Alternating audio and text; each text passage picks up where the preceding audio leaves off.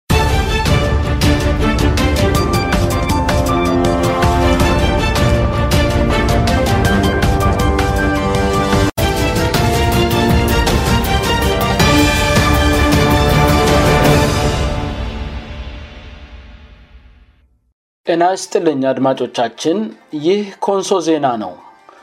አሁን የዕለቱን አንኳር ዜና የምናቀርብበት ጊዜ ላይ ደርሰናል ዜናውን የማቀርብላችሁ የአቬሎ ናታዬ ነኝ አብራችሁን ሁኑ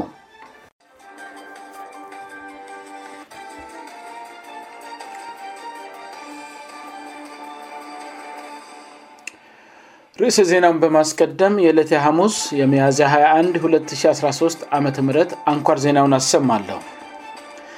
በትላንትና 2ለት በሰገን ዙሪያ ወረዳ የተከናወነው የሰላም ምክክር በህዝቡ መካከል ተስፋ ሰጪ መነቃቃቴ መፍጠሩ ተገለጸ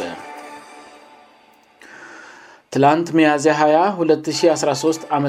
በኮንሶ ዞን ሰገን ዙሪያ ወረዳ ከህዝብ መሪዎችና አባቶች ጋር የአካባቢዎች ሰላምን አስመልክቶ የተደረገው ምክክር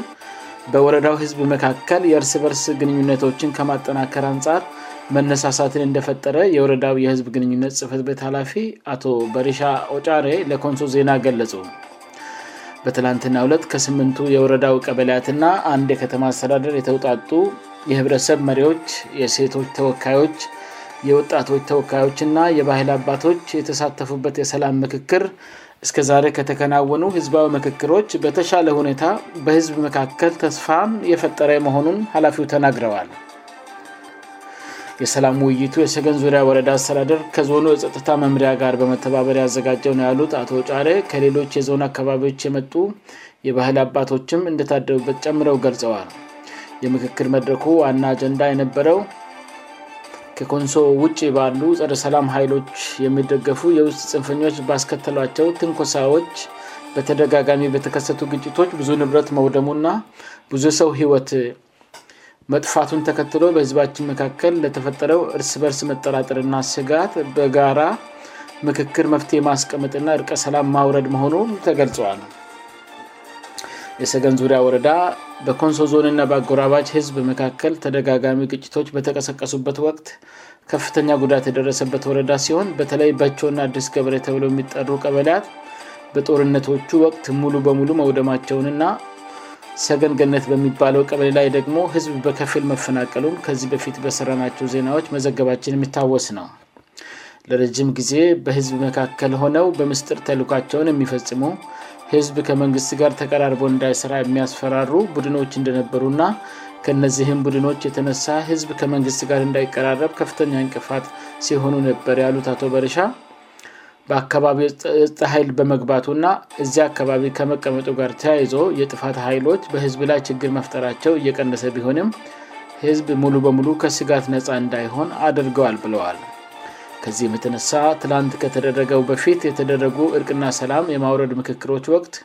በስብሰባዎቹ ላይ የሚገኙ ሰዎች የሚደርስባቸውን ማስፈራራትና ግዲያ በመፍራታቸው የልባቸውን ሀሳብ እንኳን ለመግለጽ ይቸገራሉ ያሉት ሀላፊው የትላንቱ ግን የተለየ ነው ብለዋል በትላንትና ውይይት የህዝብ መሪዎችና አባቶች በቁርጠኝነትና ከልብ በመነጨ ስሜት ህዝባችን እስከ መቼ እንደዚህ እየተጉላላ ይኖራል ብንሞት እንሞታለን እንጂ ለህዝባችን ሰላም መስራት አለብን ብለው እውነተኛ ስሜታቸውን ሲገልፁ ነበር ተብሏል ህዝብንም በማቀራረብና መፈራራትና ስጋትን ከማጥራት አንጻር በአምራር የቀረበላቸውን ጥሪ ተቀብለው በቁርተኝነት ለመስራት መነሳሳታቸውም ተገልጿል የትላንትና ውይይት ተከትለው ከዚህ በፊት ወደ ውስጥ ለመግባት አስቸጋሪ በሆኑ እንደ ሀይበና ባሉ አካባቢዎች ላይ ዛሬ ህዝብ ርስበርስ እየተቀራረበ ያለበት ሁኔታ መኖሩም ተገልጿል የሃይማኖት አባቶችም ሜመናኖቻቸውን በማስተማርና ለሰላም በማነሳሳት የበኩላቸውን እንዲያደርጉ የቀረበላቸውን ጥሪ ተቀብለው ወደ ስራ በመግባት ላይ ናቸው ተብለል ይህ በእንድ እንዳለ በግጭቱ ወቅት ንብረታቸውና ቤታቸው ሙሉ በሙሉ ከመውደማቸው ጋር ተያይዞ ተፈናቅለው በየዘመዶቻቸው ቤት የተጠለሉ ሰዎች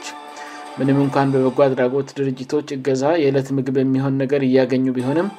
እነሱም መልሶ ርቀያቸው መመለስ አሁንም አለመቻሉን ሀላፊው ተናግረዋል እንደ ምክንያቱየቀረበው አሁንም በነዚያ አካባቢዎች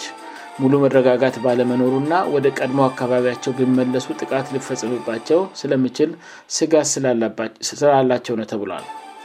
ያም ሆነ ይህ አካባቢው ላይ ካለው የፀጥታ ኃይል ጋር በመሆን ወደ አካባቢያቸው እንድመለሱእና እንደየአስፈላጊነቱ በምልሻም እንድጠበቁ